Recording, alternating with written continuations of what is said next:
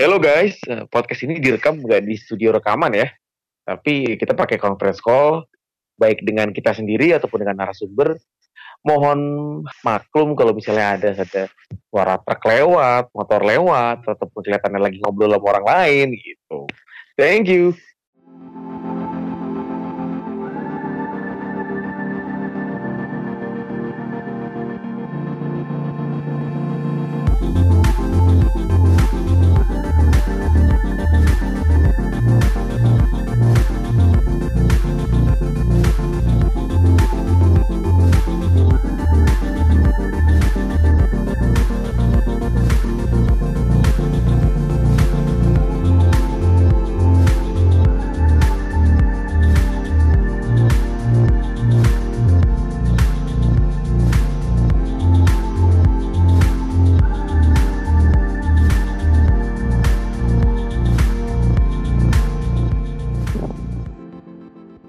Welcome di Misal Gawang Podcast episode ke-10 Sekarang kita bertiga aja nih. Ada Mbah Paulo seperti biasa. Dan satu lagi ada bintang tamu nih. Ada Mas Wendy dari Sunday Bad Ranger. Halo Mas. Halo, halo, halo, Halo. halo, apa kabar nih? Ah baik-baik. Akhirnya kita bisa Mengundang Iya, bintang tamu yang satu ini nih. Baru sekali ya kita? Baru, baru, baru sekali kita. Oke Tim FPL apa kabar Mas? Wah, jangan nanya deh. Masih Aduh. di satu jutaan nih overall ranknya. Nggak tahu musim ini hancur sekali. Masih bagus dong Mas. Aku di 3 jutaan Mas. Dan dan eh, apa ya itu pun udah panah hijau mas. Gimana tuh mas? Panah hijau tiga jutaan. Ah, mbah nih mbah. Overall gimana mbah? Mbah kayaknya kecil nih rankingnya berapa mbah Ya kalau diuangkan lebih banyak Kang Cis kayaknya. Tapi Sunday Bad Ranger ini cukup lama main FPL loh kan. Jadi cukup apa ya? Cukup sepuh lah harusnya. aduh Tapi kan nggak Sama. nggak menjamin juga sih ma- main Enggak, lama. Tapi Konsisten main kan tapi iya, iya, iya.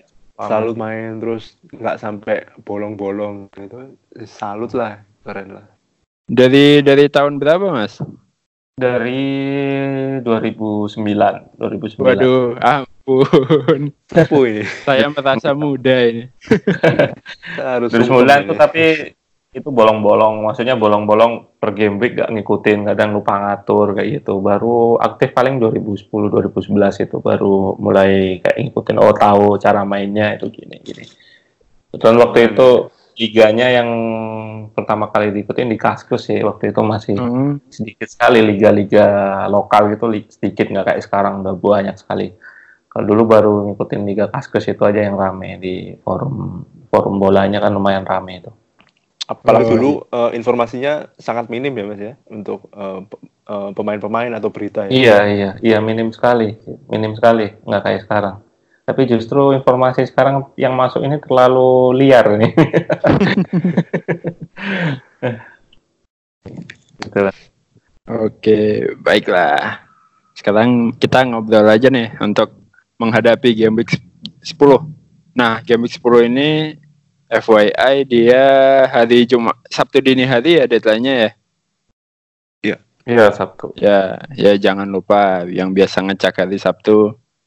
Wah. Eh pastikan hari Jumat sudah siap timnya. Kan suka tuh biasanya kan. Bangun pagi hari Sabtu kayak ah ngecek ah. Loh kok udah ada poinnya? Udah ada. kok udah ada poinnya apa ini? Iya iya. Oh, Oke oke. juga berarti ya. Iya, benar sekali.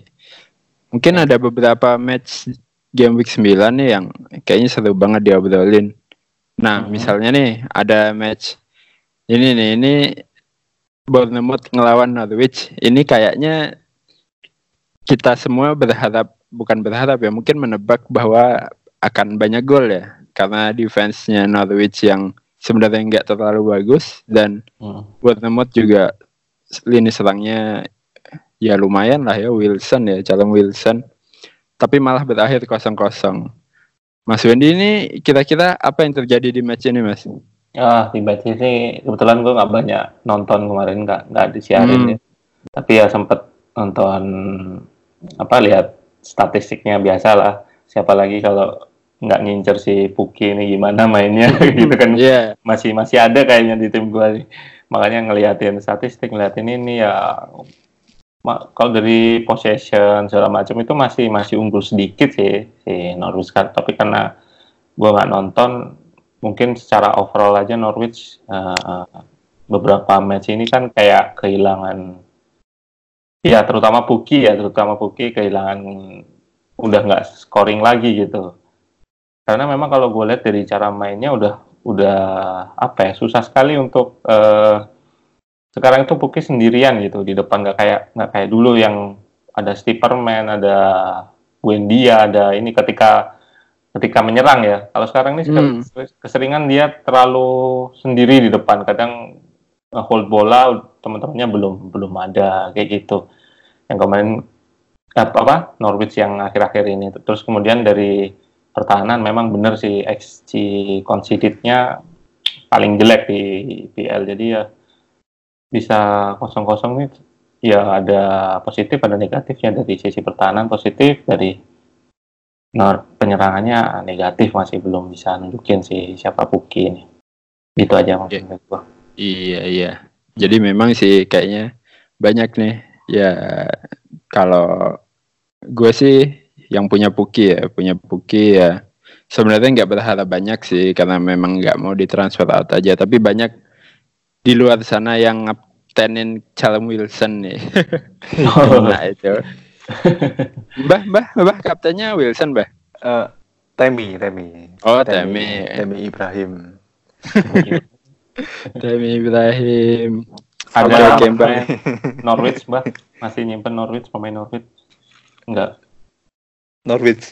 masih ada nggak pemain Norwich Masih, masih, masih ada Todd oh, Canberra. Nah, cuman itu, cuman itu sih. Hmm. Puki belum punya sampai sekarang. Wih. Cuman lawannya besok MU loh.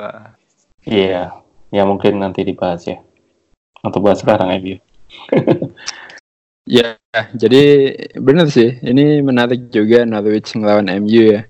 Ini Puki kan udah ha- habis-habisnya nih. Maksudnya harganya udah mulai turun. Kayak ini buang nggak ya? Tapi di satu sisi besok lawan MU. Tapi MU kemarin solid banget lawan Liverpool nih. iya benar-benar Ini prediksi untuk Norwich MU gimana Mbak? Kalau saya sih mungkin karena MU kehabisan kehabisan bensin lawan Liverpool kayaknya Norwich lah ini. eh, karena lawan Liverpool mereka lumayan alot ya, cuman kecolongan di menit akhir itu Mm-mm. nyesek sih kalau menurut saya. Tapi Iya, besok iya. lawan Norwich kayaknya bakal kesulitan ya MU. Mes- Meskipun di Iya. atas kertas kayaknya secara permain secara uh, nama besar pemain tetap unggul MU ya. Tapi feeling saya pegang Norwich. Puki hat-trick ini. Aduh. Bikin galau nih Mbah yang masih punya Puki. Kalau Mas Wendy sama prediksinya Mas? Ini Norwich MU. Eh, MU ini kan kalau yang kelihatan impresif kan waktu lawan Chelsea 4-0. Terus lawan Li- Liverpool kemarin juga memang eh, lebih negatif ya dia apa pendekatannya. Pendekatannya lebih, lebih negatif tapi itu menurut secara taktik sih itu yang yang terbaik yang bisa dilakukan MU gitu. Kalau Hmm. dari sisi taktik sampai akhirnya klub juga ngubah taktiknya di akhir itu baru bisa bisa apa bisa mencetak gol meskipun golnya lebih lebih karena eh, apa kesalahannya error defensive error. Tapi dari dari dari skema MU masih masih bagus lah kemarin. Secara skema secara taktik tapi ya itu ke individual error tetap ngaruh. Nah masalahnya waktu lawan Norwich ini eh, ini MU yang ditu- dituntut lebih apa ya lebih menyerang. Nah ini masalahnya kalau masalah MU itu itu waktu kayak lawan Newcastle itu mereka yang sit sit and deep maksudnya nunggu gitu MU itu nggak bisa lawan tim-tim yang kayak gini gitu Hmm. Nah, Nah, tinggal pendekatan Norwich saja nanti seperti apa. Kalau mereka tetap menyerang ya kemungkinan besar bakal dimanfaatin sama Rashford atau James sama, sama seperti uh, lawan Liverpool kemarin kemarin gitu. Tapi kalau Norwich uh, misalkan apa lebih negatif lah, lebih negatif kayak Newcastle lawan nunggu gitu bisa jadi sih Norwich Norwich bisa lebih lebih punya kans gitu. Itu sih dari gue. Oh. Oke, ya gue sendiri sih kayaknya ma masih tahan Puki sih ya. Ya untung-untungan lah. Soalnya gimana ya?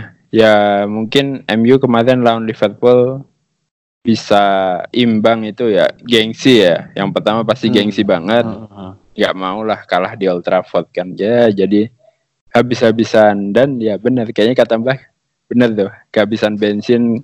Terus eh, nanti juga masih main di Europe League kan? Oh, udah Iya, habis tuh. ada. fix. Iya. Eh, oke eh, kemarin juga ki- kita mau mau ngebahas kaptennya Mbah nih yang kemarin Tammy Abraham. Ya cuma dua poin ya. Chelsea menang 1-0 dan golnya ternyata gol Alonso gol Alonso ya ini kayak mungkin FPL dua tahun Dua tahun lalu ya. iya dua tahun lalu banget ini nih Nih, dan Mbah kayaknya punya Alonso juga ya Mbah Punya, punya. Waduh, gimana tuh, Mbak? Maksudnya eh, kenapa bisa punya Alonso? Di saat mungkin ya, teman-teman yang lain kalau punya back Chelsea mungkin lebih ke Tomori ya, Mbak? Hmm. Karena mungkin waktu itu kan sempat buat apa ya di Twitter ya antara Tomori dengan Alonso plus minusnya itu seperti apa. Eh, saya gambling Alonso karena apa ya berharap Chelsea clean sheet itu waktu itu saya ber- eh, menganggap agak susah. Jadinya Hmm. ya gambling sekalian Alonso siapa tahu bisa ngegulin atau asis ya. Dan Hmm. ternyata waktu ambil Alonso eh, clean sheet pertama, kedua bikin assist, terakhir ngegolin. Dan Chelsea ternyata dari tiga pertandingan terakhir baru kebobolan satu. Dan Wow. Iya. Saya rasa pertandingan Chelsea bakal membaik ini sesuai jadwal. Tapi kalau misalnya bagi yang belum punya Alonso terus mau ngambil Alonso, saya agak ragu sih sebenarnya karena eh, Emerson udah balik, tapi ya belum tentu juga Emerson eh, bisa langsung menggeser Alonso ya. Tapi saya Yeah. tetap takut sih kalau misalnya suatu saat tiba-tiba Alonso main di Liga Champion kemudian dirotasi dengan Emerson yang Hmm. secara di atas kertas Emerson nggak kalah sih dari Alonso. Meskipun secara naluri mencetak gol, saya rasa Alonso lebih tinggi ketimbang Emerson. Iya, mungkin kalau dari gue sih antara Emerson sama Alonso ini di mobilitas ya, mobilitasnya Emerson lebih gitu, lebih mobile dia Mm-mm. dari sisi dari sisi permainan ya. Tapi kalau dari sisi FPL memang beberapa kali kan waktu MU itu juga eh, hadap-hadapan sama Liga dan berapa kali juga ngesut nggak nggak gol beda dengan Alonso yang sekali kemarin akurasinya sangat inilah penyelesaiannya yang bagus lah kemarin waktu lawan Newcastle tuh. Nalurinya mencetak gol cukup tinggi ya, Mas ya. Iya benar benar. Hmm. Oke, eh temannya Alonso juga nih di sebelah kiri Hudson Odoi. Ini ternyata tiga match terakhir udah tiga assist loh.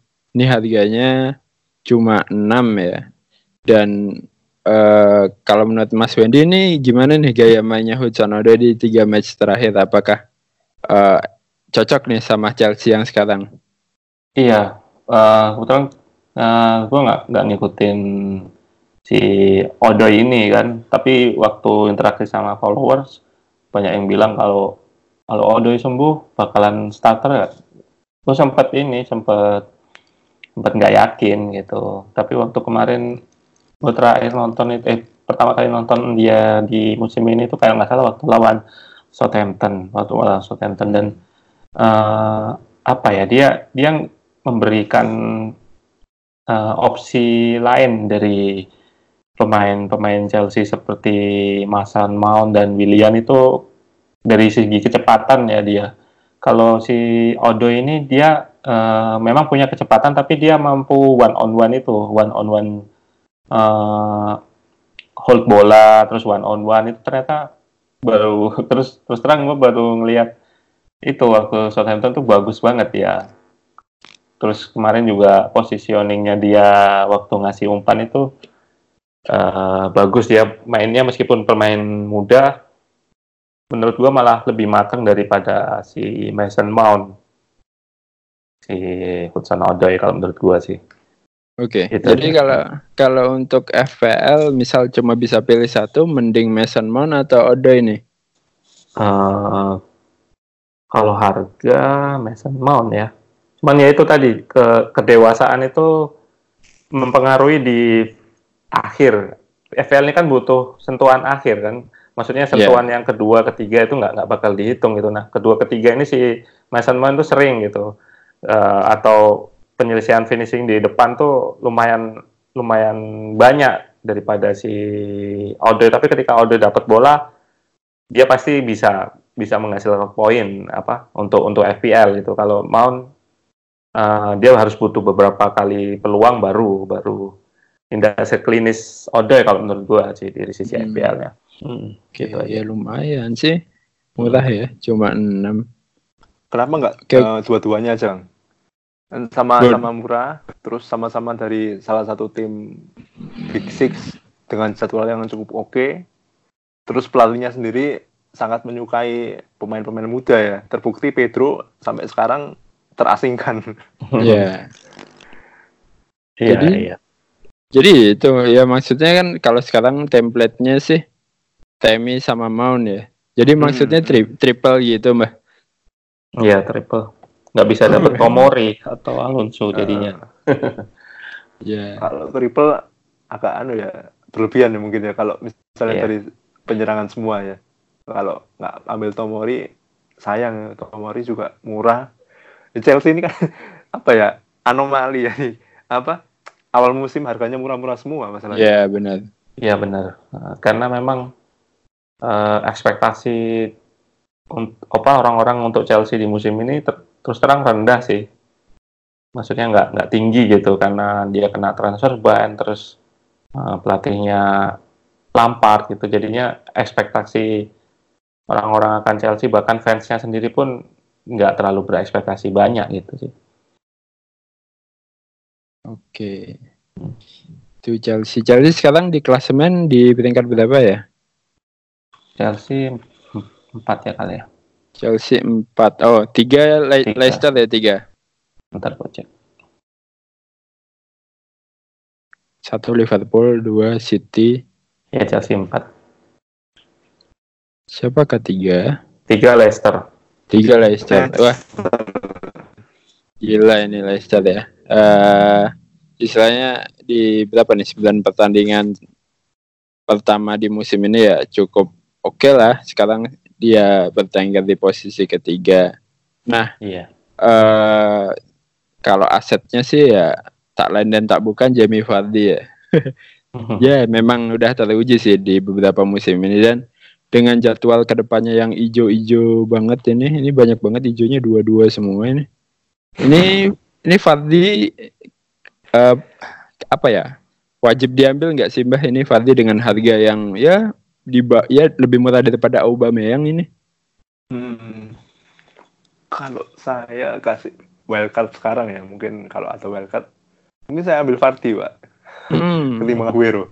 Dengan menempatkan Vardy, saya bisa ambil tiga pemain City kan di tengah, tapi depannya Vardy karena jadwalnya cukup oke Iya. dan anti rotasi kayaknya kan. Nggak, dia nggak kecuali dia baru sakit cedera baru nggak main. Setelah Iya, itu iya. pasti main kayaknya. Terus ditopang lagi dengan lini tengah yang saya rasa cukup mumpuni ya di kelasnya. Tapi sempat waktu awal musim saya sempat kepikiran gini, oke Vardy didukung lini tengah yang cukup mumpuni ya, tapi untuk per- eh, pembagian poin FPL kayaknya Vardy nggak terlalu vokal seperti biasanya. Tapi ternyata dugaan saya salah ya. Ternyata sampai sekarang Vardy cukup oke ya, 54 poin. Ya, Iya. empat poin. Mm-mm. Saya rasa kalau ada kesempatan ambil Vardy mungkin saya ambil ya. Oke. Oke oke. Kalau untuk aset Leicester lainnya dari Mas Wendy ada masukan Mas? Ya pasti ini Matt, Matt Madison kalau mau Madison. butuh attacking terus kalau pertahanan ya kalau mau Pereira bisa kalau ada budget atau eh Soyuncu kalau yang buat harga murah kan Soyuncu cuman berapa sekarang 46 apa 45 gitu. Itu 47. paling Hmm. 47 sekarang ya. Hmm. Iya, Soyuncu. Karena kan defensif Le- Leicester nih termasuk yang recordnya ya, bukan artinya bukan pertahanan terbaik. Defensive recordnya kan kedua, kedua terbaik se IPL di musim ini kebobolan cuma 8 kalau nggak salah. Sementara yang terbaik kan Liverpool sama Sheffield United baru kebobolan 7. Jadi nggak ada salahnya sih kalau mau invest juga di pertahanan. Pertanyaannya Leicester. Itu aja sih dari gua. Oke, Leicester ya. Gue sih punya Pereira ya. Pereira udah dua gol. Tapi ya apakah kemahalan ya untuk back back tim Leicester di harga 6,2 ya dilema juga sih sebenarnya. Iya. Oke lah. Eh kita lanjut ke salah satu ini stri- opsi striker murah nih. Dari tiga match udah tiga gol. Ya sepertinya termurah dibanding teman-temannya ya. Eh Danny Ings 5,9 dan gimana ya? Dia setiap dia cetak gol itu eh bonus poin 3, bonus poin 1, bonus poin 3. Ya walaupun timnya nggak menang ya. Soton dan cuma dan Soton cuma ngegolin satu gol tiap pertandingan, tapi kayaknya poinnya poin Ings ini apa ya?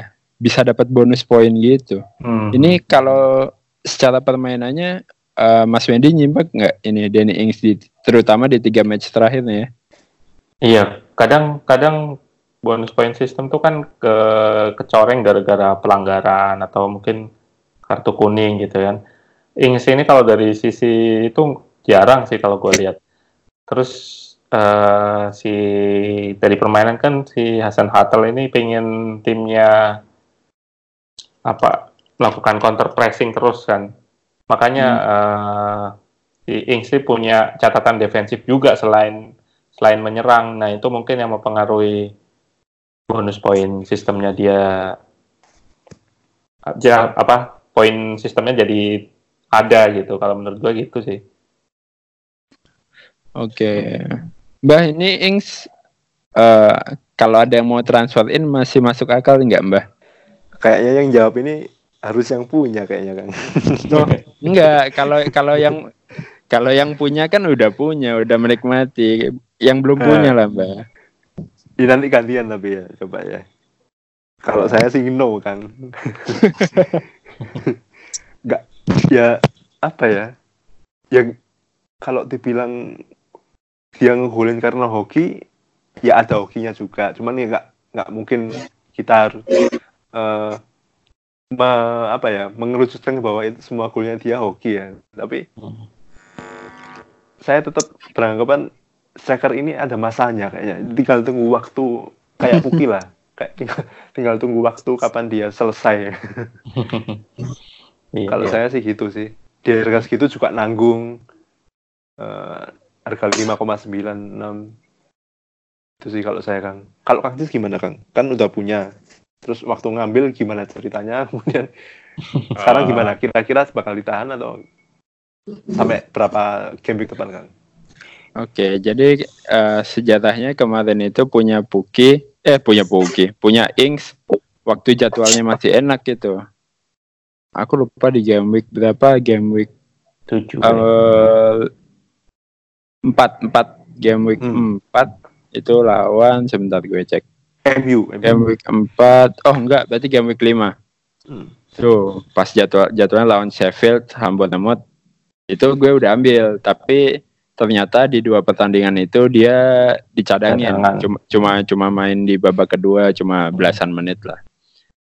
Itu gue beli di harga 6 dan udah turun tuh 5,9 udah rugi udah rugi. Dan alasannya kenapa ya eh sebenarnya itu striker yang murah ya. Karena memang untuk tim gue di musim ini mau fokus di defense sama mid. Makanya kalau ngelihat formasinya selalu 352 karena satu strikernya mati eh, striker satunya Puki dan striker satunya pinginnya harganya di bawah Puki jadi emang nggak ada pre- premium striker Hmm. Makanya di harga segitu sih sebenarnya awalnya antara Wesley sama Ings ya. Tapi eh, ya udahlah kayaknya coba Ings karena sebenarnya ngelihat jadwalnya Sheffield sama Bournemouth ini. Tapi Hmm. ternyata dia tidak main dan harganya udah turun dan ketika mau dilepas kayak eh, waktu itu belum pu- nggak punya uang di bank. Jadi 5,9 dilepas dapat apa gitu loh. Kayak- kayaknya kayak nggak dapat apa-apa. Berarti berarti karena faktor ini ya, faktor duitnya aja berarti beli. Iya benar. Sebenarnya budget aja. mau dijual nggak bisa, ya udah tahan aja lah. Lawan Tottenham, lawan Chelsea, ya udah pasang aja lah. Ternyata dia ngegolin dua-duanya. Ya lumayan lah. Ya lawan Wolves juga ya udahlah pasang aja. Dan ya syukurlah ini Ings ini termasuk yang menolong poin gue di tiga game terakhir lah. Ya walaupun cuma 9, 7, 9 tapi lumayan lah. Jadi memang kenapa masih punya Ings ya karena kalau dijual mau diganti siapa terlalu murah soalnya Ings. Jadi untuk apa mau diganti mau pay malah jadi murah banget ya udahlah kayaknya oh iya oh iya karena yang murah itu ya empat setengah ya tapi kemarin juga main, main cuma satu babak sih kayak ya udahlah nggak jadilah kita sepertinya kalau ngelihat jadwal Ings ke depannya ah tetap sih kayak- kayaknya harus dipertahankan aja deh nih Ings Keren. ini lawan keren. lawan lawan Leicester wah tapi ketemu City sih game week 11 nah kita lihat deh game week 11 Tapi setelah lawan. City lawannya oke-oke lumayan ya. Eh, imbang lah kayaknya. Setara. oh iya ada ada lawan Arsenal Sheffield aja bisa menang ya Bisa. Siap lah, Iya. Sultan bisa menang. Oke. Eh, nah, ngomongin Sheffield tadi, ini Lundstram akhirnya dapat poin lagi nih, ya poin clean sheet ya. Berarti dia dengan eh, istilahnya pemain FPL di harga start 4 dan poinnya tinggi banget ini. Ini bahkan dia back dengan poin tertinggi di musim ini, benar ya 45 Ya, poin. Wah, Iya, gila nih Lundstram. Ini Mbah, ini yang punya Lundstram ke depannya apakah sebaiknya ditaruh di starting line up terus atau tetap dicadangin, Mbah? Soalnya yang dicadangin suka ya kayaknya nggak kapok-kapok kecolongan deh di point bench si Lundstram ini, Mbah. Nah, kalau saya sendiri sih tergantung lawannya sih Kang. Eh, semisal ya, semisal besok lawan West Ham. Kayaknya sih main Ya. ya. Kecuali game week 12 lawan Spurs. Saya rasa kalau lawan Spurs bakal saya cadangin sih. Itu. Tergantung lawannya dan komposisi tim sih Kang kalau saya kalau misalnya ada pilihan lain yang lebih menarik yang secara di atas kertas lebih baik ya kenapa enggak gitu loh. Secara Lundstram kan ya awalnya harga 4 terus kita nggak punya ekspektasi tinggi terhadap dia kan sebenarnya. Tiba-tiba dia booming gitu kan kayak Puki gitu. Ya nggak selamanya lah dia bakal booming terus gitu. Apalagi dia dari tim yang semenjana gitu kan. Ya kalau saya tergantung komposisi tim dan lawan sih. Kalau sekiranya lawannya kayaknya ini bisa lah kayaknya ya pasang tapi kalau misalnya ada pemain lain yang di tim kita yang apa yang punya potensi yang kita rasa punya potensi lebih ketimbang dia ya kenapa nggak pakai yang lain aja kalau saya gitu Oke, tapi Sheffield nih kalau nggak salah defense-nya termasuk yang terbaik. Eh, benar nggak sih Mas, Mas Wendy? Iya. Ini Iya. Sheffield ini gimana defense-nya Mas? defensive recordnya kan ya kalau kita ngelihat ibaratnya fans yang lihat cuman angka aja ya ya terbaik gitu karena dia kan kebobolannya cuma 7 sama kayak Liverpool gitu.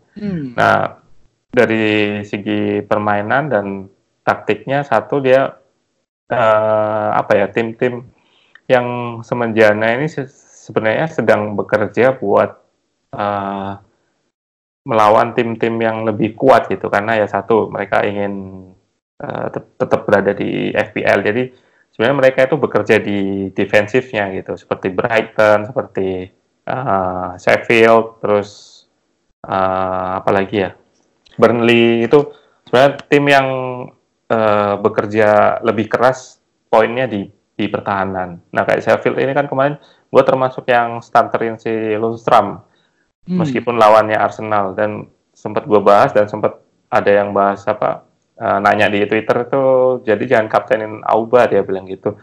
Gue kasih saran sebaiknya dipertimbangkan. Gue bilang gitu karena gue yakin bisa eh, ngelihat Arsenal yang kesulitan eh, dalam menyerang di akhir-akhir ini ket- ketambahan dengan lawan lima eh, back yang lima gitu. Hmm. gue udah yakin bakal bakal bakal menyulitkan. Jadi mak- makanya gue starterin si si Lundstram ini dan prediksi gue benar gitu dan ini mungkin bisa jadi apa pertimbangan pertimbangan buat teman-teman yang di FPL uh, untuk cadangin Lundstram atau enggak gitu mungkin uh, pemasukan dari Mbah tadi bilang uh, lihat musuhnya ya tapi lihat juga musuh musuh musuh kayak Liverpool itu kesulitan kemarin kan lawan lawan Sheffield juga karena golnya juga gol ibaratnya gol blunder lah itu si Henderson. Hmm. Iya. Eh, Sheffield seperti tadi gue bilang apa dia bekerja di pertahanan. Nah kalau lawan tim besar dia bakal full full bertahan. Nah ini jangan terlalu maksudnya wah lawan City nanti bakal ngaptenin Aguero musuhnya cuma tim promosi gitu. Hati-hati karena dengan lima backnya ini bakalan sulit ditembus gitu. Dan ini terbukti dari defensive recordnya gitu selain taktiknya yang cukup unik ya di musim ini dan defensive recordnya cuma 7 gitu. Kebobolannya sama dengan Liverpool. Gitu sih dari saya. Eh, setuju sih saya eh, secara permainan mungkin Sheffield oke ya defense-nya ketat itu kan. Cuman kebobolan satu atau apa. Cuman dari sisi FPL saya rasa sama aja. Kalau misalnya lawan Liverpool kemarin cuman kebobolan satu. Tapi poinnya Lundstram cuma dua gitu kan. Iya, iya. Eh, kalau menurut saya sih apa ya Lundstram ini terbantu eh, dari sisi penyerangan sih sebenarnya lawan Palace dia golin satu poinnya 14 kemudian lawan Everton dia asis satu poinnya 12 sisanya 5 6 dua kali clean sheet, Eh, Clean sheet, ya. dari eh, poinnya itu Hmm. cuman dari clean sheet dua sisa duanya clean sheet dan penyerangan ya berarti tapi ya Iya. balik lagi ke selera masing-masing ya kalau saya tetap sih kayak lawan saya lawan City ya pasti saya cadangin lah lawan City Iya, iya. Iya, eh, tapi di sini mungkin apa ya, sekilas info aja kayak back Sheffield itu ya katakanlah eh, Stevens, O'Connell, Baldock itu semua poinnya di atas Van Dijk. Gue baru Itu. tahu nih. itu fakta menarik gitu. Oke, eh, kita Halo, halo. lanjut. Yuk, weh. Welcome Bang Erik from FPL Ranger. Halo Bang. Halo. Halo, halo. Halo. Lanjut, lanjut, Langsung. lanjut, lanjut, lanjut. lanjut. Eh, langsung ditanyain siap nggak? Enggak lah. Udah nih, gue langsung mau nanyain ini MU kenapa bisa jago banget melawan Liverpool? Eh, karena musuhnya Liverpool sih. Kayaknya eh, sebagai fans MU mungkin gue sedikit berharap tiap tiap game week lawan Liverpool aja lah ya. Kalau mainnya kayak gini. Eh, ya apa ya gue rasa ini mungkin ngasih gambaran juga kali ya kalau eh, berapa sembilan match pertamanya oleh ya eh, MU kan cukup dikdaya tuh Eh, menang mulu gitu nggak pernah kalah mungkin ini bisa ngasih gambaran kalau apa yang bisa oleh lakukan gitu. cuman ya balik lagi sih yang dibutuhin kalau buat fans MU gitu ya, ya pengennya sih ya tiap minggu mainnya kayak gini ya. Enak banget sih di lagi babak pertama tuh enak lah. Ngelihatnya nge- ini nggak press Liverpool dan yang ternyata emang agak-agak gagap juga Liverpool kalau apa defense di press dari awal gitu. Cuman ya pas babak kedua ternyata sama kayak pemain Indonesia ya. Napasnya habis coy. Capek emang kayak main gitu ya ya kalau buat fans MU tiap minggu aja lah lawan Liverpool nggak ada takut-takutnya gue Ini next lawan Norwich optimis nggak nih? optimis lah kan gampang kalau kalau kan gampang kalau kan nggak masuk goa gitu. tapi kayaknya Puki ngegolin nih Wah ini. ya karena emang itu sih emang kuncinya emang dari maksudnya semua orang sekarang ngelihat apa yang bisa oleh lakukan dengan pemainnya gitu. Pemainnya ini pemain yang sama sama MU beberapa game week yang lalu busuknya. Ternyata bisa begini, ya tinggal masalahnya setiap minggu bisa begini terus nggak? Nah, masih nggak yakin sih harus butuh apa ya? Harusnya ini bisa jadi momentum ya buat MU Iya. dan buat Liverpool juga. Eh, semoga Liverpool makin lama bensinnya habis ya, bensinnya habis agak kesalip City ya, gue senang lah. Eh, sebenarnya gue mau cerita juga sih ada artikel yang ditulis di New York Times itu si Rory Smith wartawannya. Dia nulis eh, soal soal Liverpool nih. Jadi kalau coba kita runut ke belakang, Liverpool itu hampir bis- bisa dibilang beruntung gitu. Kayak kemarin lawan MU, terus yang penalti menit ke Mane sekian, dia dirunut. Jadi ini bukan bukan gue yang ngomong, tapi si Rory Smith yang ngerunut setiap pertandingan Liverpool yang ke belakang itu ada sekitar lima apa empat pertandingan itu bisa dibilang dalam tanda kutip beruntung gitu. Tapi si Rory Smith juga si wartawannya ini juga nggak nggak yakin ini cuma keberuntungan karena kalau keberuntungan kok keterusan gitu. Jadi itu yang justru mesti diwaspadai tim-tim sih. Jangan-jangan Liverpool ini bukan bukan bukan beruntung aja, tapi memang eh, ada sesuatu di situ. Akhirnya dia tahu cara nge-tweak eh, timnya gitu, Kak. ketika ketinggalan, ketika ketika masih seri gitu. Seperti itu sih. Sebenarnya sama sih eh, eh, kekhawatiran gue sebagai fans MU ya, eh, ngelihat Liverpool yang beruntung-beruntung tapi menang, main jelek tapi menang atau seri gitu ya terhindar dari kekalahan. Itu ngingetin kayak MU zaman Sir Alex Ferguson sih, sering banget main kayak gitu tuh. Main gak jelas gitu tapi menang atau tiba-tiba dapetnya makanya banyak Fergie time Iya. lah apalah. Tapi juara kan itu. Tapi juara itu makanya gue takut. gue Berarti itu gue gak suka nih juara kayak berarti. gini. oh jangan lah, jangan lah, jangan, jangan. Pecah Twitter itu setahun. Oke, ini ngebahas Liverpool next ngelawan Tottenham nih. Eh, dari Mbah dulu deh, prediksi Liverpool Tottenham gimana Mbah? Menang Liverpool lah. Eh, untuk itunya, untuk asetnya, apakah salah, mana atau yang lain nih Mbak kira-kira? Untuk aset ya pasti eh, buat yang masih punya salah ya, ya pasti dimainkan lah ya harusnya. Apalagi kemarin udah latihan ya. Eh, untuk Liga Champion main kan. Kepemilikannya juga cukup besar ya salah tetap di 30 persenan dengan Mane yang cuma yang juga 30 persenan. Lawannya Spurs yang kiper utamanya sakit, pertahanannya juga buruk. ya minimal dimainkan lah ya. Kalau kapten tuh masalah nanti feeling-feelingan sih kalau menurut saya.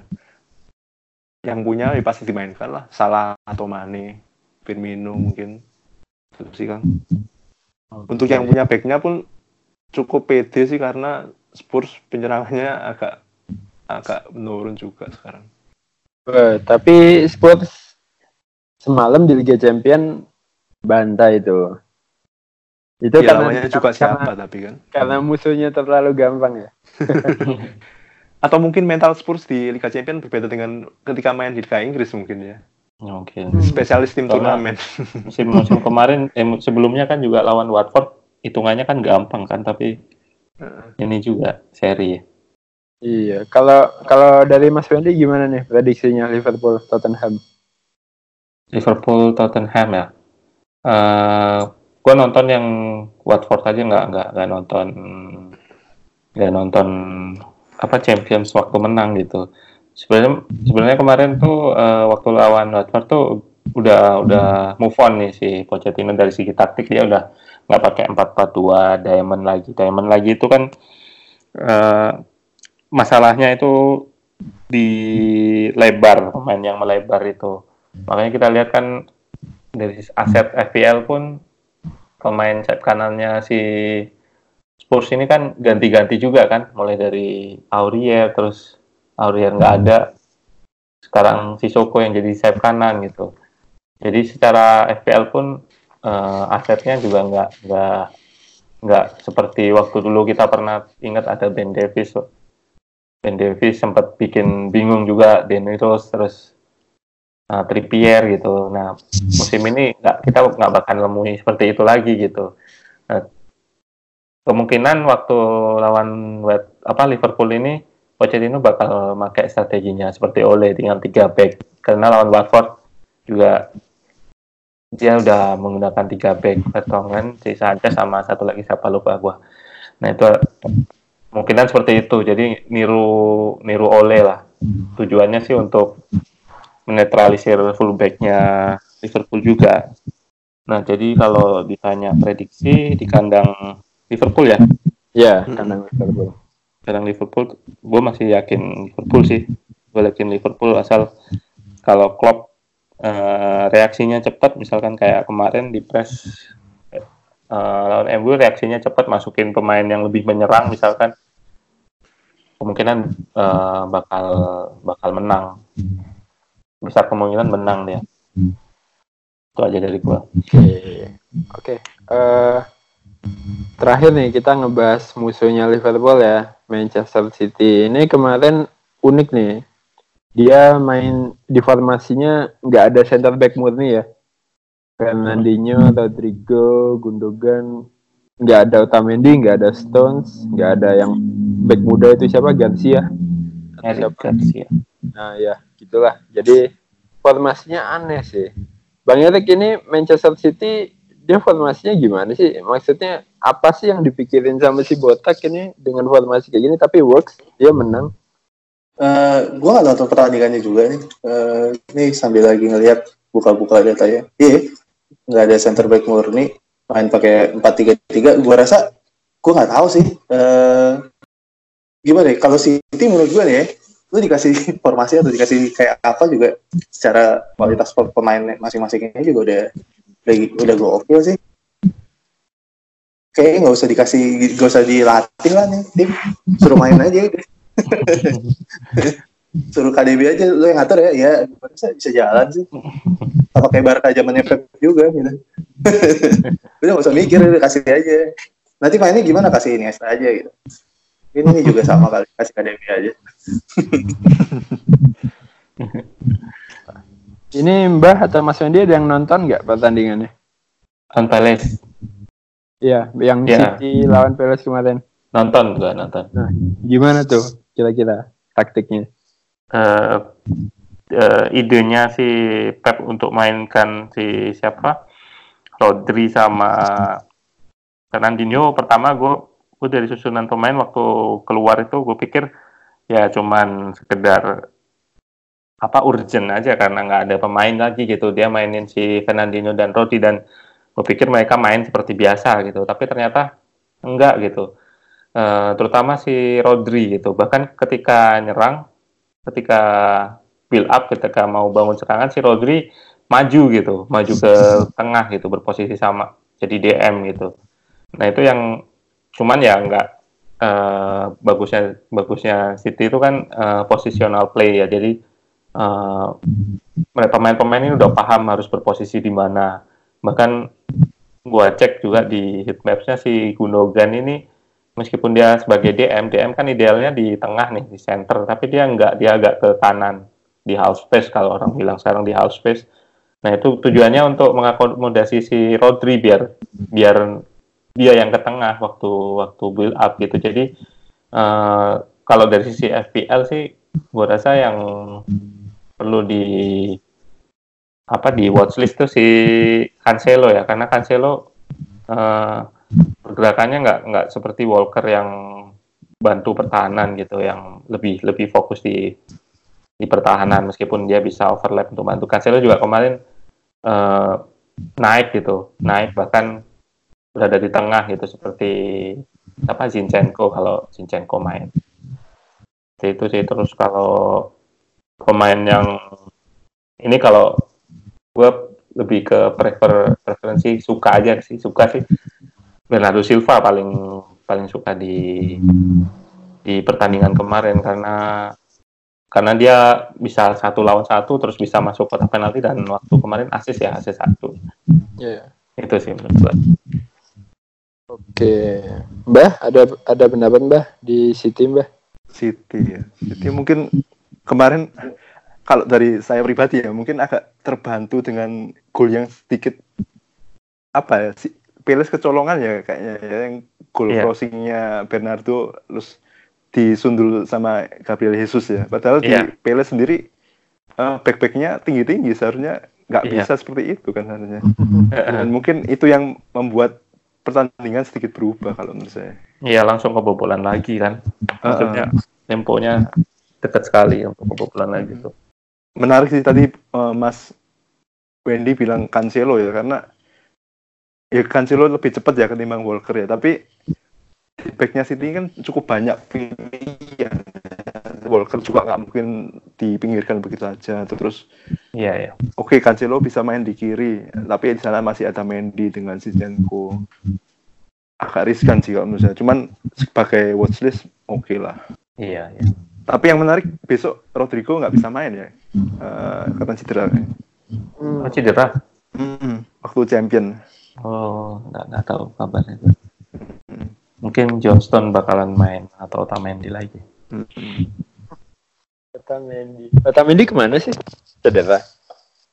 Nggak ada, nggak ada. Ya, Kabar. Lagi makan di warteg itu. Nggak ada kabar waktu itu tahu-tahu cedera. Eh nggak dibawa ya kemarin. Di sini ada yang punya Aguero nggak gitu? Ada. Pak Erik Pak. punya ya? Enggak, saya udah nggak ada Aguero. Oh ada Aguero. Oh, Mas. kira-kira main nggak Mas besok lawan besok? Aston Villa. Aston Villa. Lo pernah nge-tweet kan soal pemilihan ini ya karena mungkin ada yang FPL yang nanyain gitu kenapa sih Pep kok milih pengalaman daripada eh nggak milih pengalaman gitu. Karena waktu itu mainin Jesus mungkin dia kesel juga mungkin kaptennya Aguero dia nge-tweet seperti itu. Nah gue bilang kalau Pep ini filosofinya dia dari latihan sih. Jadi dia ngelihat siapa yang di hari itu paling siap gitu. Itu yang yang bikin dia suka main Pep roulette itu karena dia nggak mungkin misalkan besok bagus nih tapi hari itu dia nggak siap entah dari fisik entah dari apa pemahaman taktik entah lain dia nggak bakal dimainin gitu. Selain untuk rotasi gitu. Nah itu yang bikin eh, Pep ini sulit di di apa ditebak. Dan itu juga bagus karena pemain jadi waktu latihannya jadi beratnya jadi levelnya tinggi karena dipantau nih untuk untuk starting line up ke depannya gue harus latihannya harus harus bener-bener gitu. Nah, itu yang bikin nggak bisa prediksi juga sih. Hmm. Berarti apa anggapan yang bilang kalau misalnya kayak misalnya nih kemarin Sterling sama Aguero main 90 menit terus tiba-tiba ada yang bilang eh, wah main 90 menit kayaknya lawan Villa Jesus nih yang main karena kemarin nggak main kan waktu Liga Champions. Berarti pendapat seperti itu nggak nggak mutlak benar ya berarti Mas ya? Iya nggak mutlak bener karena kan 90 menit main gitu. Eh, kalau dia di latihan nggak capek ya dimainin lagi gitu. Tapi kalau dila- dia di latihan capek ya ya ya dimainin. Gitu. Udah, sering timnas seperti itu. Indonesia ya. Kita udah Gajinya udah gede-gede, Bang. Inilah Manchester City. Oke. Last question nih untuk semua di sini. Kapten nih, kapten game ini eh, udah pada lihat ya pertandingannya, ada pertandingan apa aja.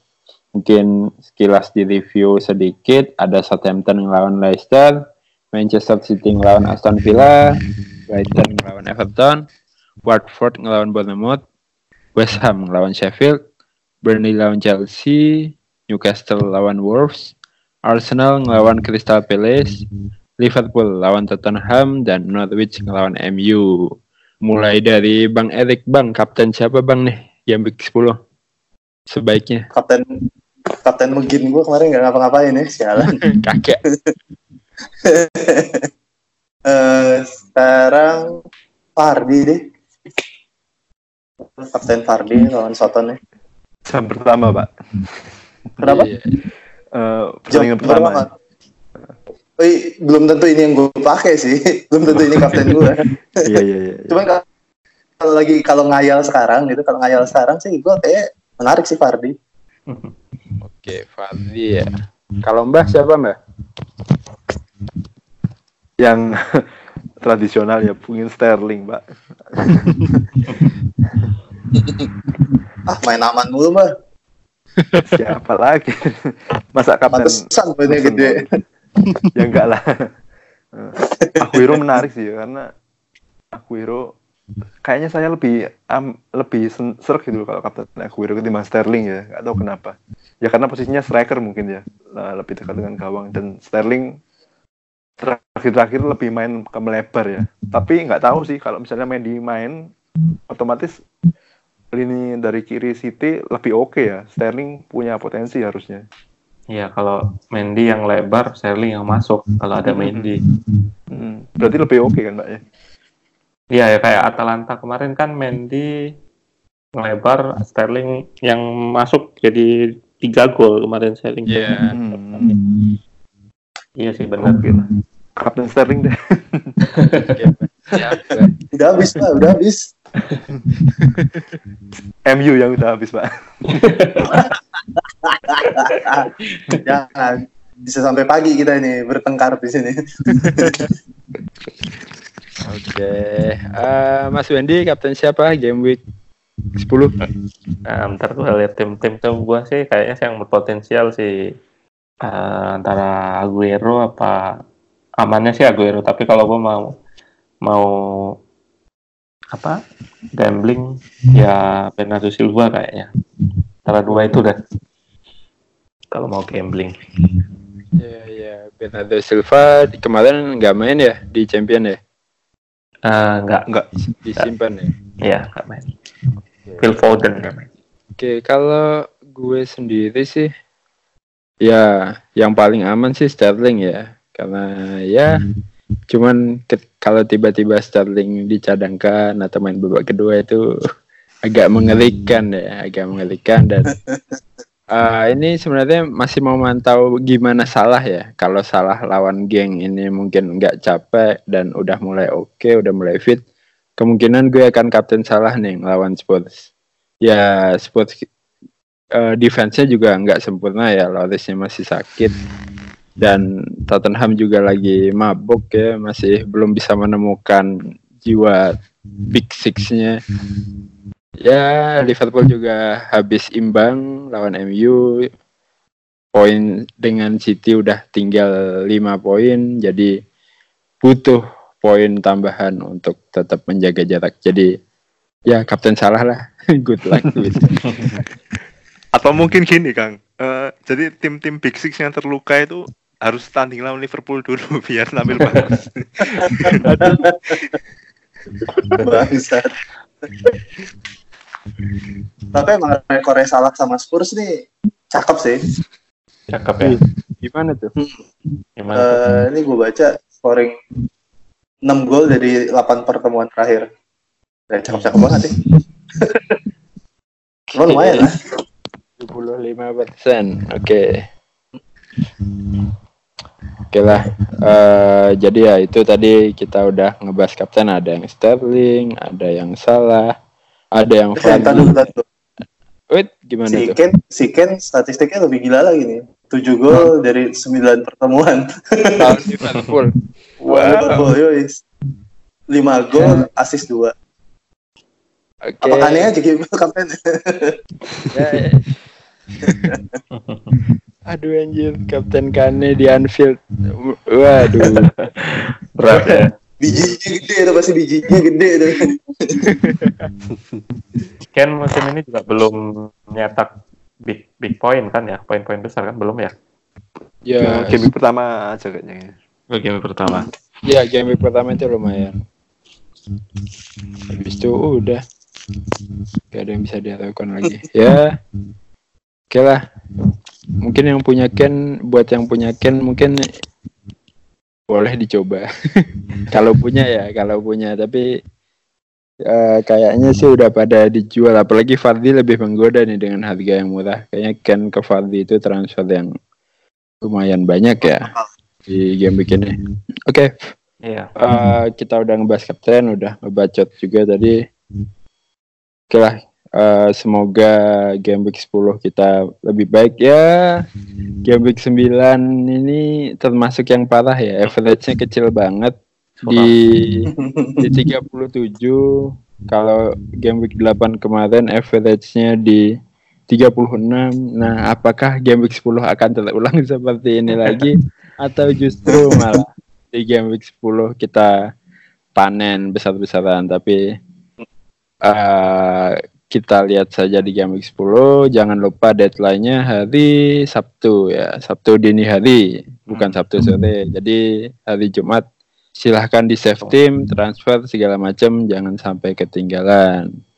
Oke okay, thank you banget untuk Mbah untuk Bang Erik yang udah nyusul dan terutama untuk Mas Wendy nih yang udah menyempatkan okay. diri. Walaupun beda time zone Oh, beda iya, time jam 12 ya. Sekarang wah, udah, udah mau nanya dong pertanyaan. Oh, boleh ya. boleh. Sok. Buat Mas Wendy kan jarang-jarang nih. Mudah-mudahan masih mau kalau diajak lagi ya. boleh. Uh, uh, ini kebantu gak sih? Maksudnya uh, lo kan sering nih menganalisa uh, pertandingan gitu ya, taktik dari tim-tim di IPL atau mungkin yeah. di luar juga ini apa ya ada korelasinya nggak sama main FPL maksudnya ngebantu nggak sih untuk memi dalam memilih uh, pemainnya atau dan kawan-kawannya. Hmm. uh, sebenarnya itu nggak analisis itu nggak nggak nggak bisa bantu ya untuk untuk bahkan untuk hasil kan kalau gue ditanya gue selalu bilang nggak nggak bisa nggak bisa. Apalagi FPL untuk menentukan siapa yang pencetak gol atau enggak gitu. Tapi tapi beberapa analisis kayak kayak lawan Sheffield lawan Arsenal gue tahu makanya gue mainin Lundstram itu ada kadang membantu seperti itu gitu. Tapi nggak nggak nggak secara spesifik nentuin siapa yang pasti siapa yang uh, apa bakalan cetak gol gitu. Mungkin uh, cuman sekedar clean sheet atau apa gitu aja. Karena uh, analisis tuh nggak nggak nggak bisa itu tadi nggak bisa nentuin hasil gitu. Paling tahu uh, jalannya pertandingan bakal seperti ini gitu. Itu pun gue nggak bisa prediksi. Mungkin setelah starting line up keluar, gue baru bisa prediksi seperti itu aja sih. Mantap. Nggak kalau bisa kan gue nanya dulu sebelum masang taruhan nih. kalau bisa gue peringkat satu dong. Roll. ya. Udah udah itu aja pertanyaannya. Ya, selain analisis ya namanya keberuntungan itu tinggi banget. itu ya sejago-jagonya ya memang sulit sih maksudnya eh, nggak uh, ada orang yang bisa juara dua musim berturut-turut ya karena selain jumlah pemainnya banyak juga uh, untuk konsistensi dan keberuntungannya juga masih belum tentu lah. Jadi asal kita main konsisten aja di peringkat ya minimal mungkin top satu persen setiap musim itu udah keren banget itu buat main NFL. Kan kalau gue di 3 juta ini top berapa persen ya? Udah bisa ngitung. top 50 persen kayaknya masuk nih masih. Ya. sabar Kang sih sabar. Iya, panjang kan. Badai pasti berlalu. Hmm. Maraton Kang, maraton. Iya tapi enak banget kalau ngomong ya udah kejauhan mbak maraton. Mario Tugu juga kalau ngomong enak pak. Tapi kayak gue tuh peringkat dua jutaan kali dua juta apa sejuta ya? Lupa. Poin gue kayak selisih sama mbak tuh sekitar 70 atau 60 ya. Kayak masih masuk akal lah. Masih buat dikejar. iya. Masih, masih banyak banget ya baik ya Iya, week 9 kan 10 belum belum sepertiga lah, belum sepertiga seluruhan mm -hmm. match. Hati-hati lu mbak. iya. Malah yang penting sih kalau menurut saya uh, mulai masuk fase-fase krusial itu ya Desember sih kalau menurut saya. Yoi. Ya, Desember. Ini kejadian sama gua musim lalu sih. Musim lalu sampai game week 5 itu under under 100 malah atau game week week berapa ya? Udah udah 200 ribu gitu. Tapi akhir, akhir musim terlempar juga sampai hampir sejuta kalau nggak salah. 900 berapa gitu.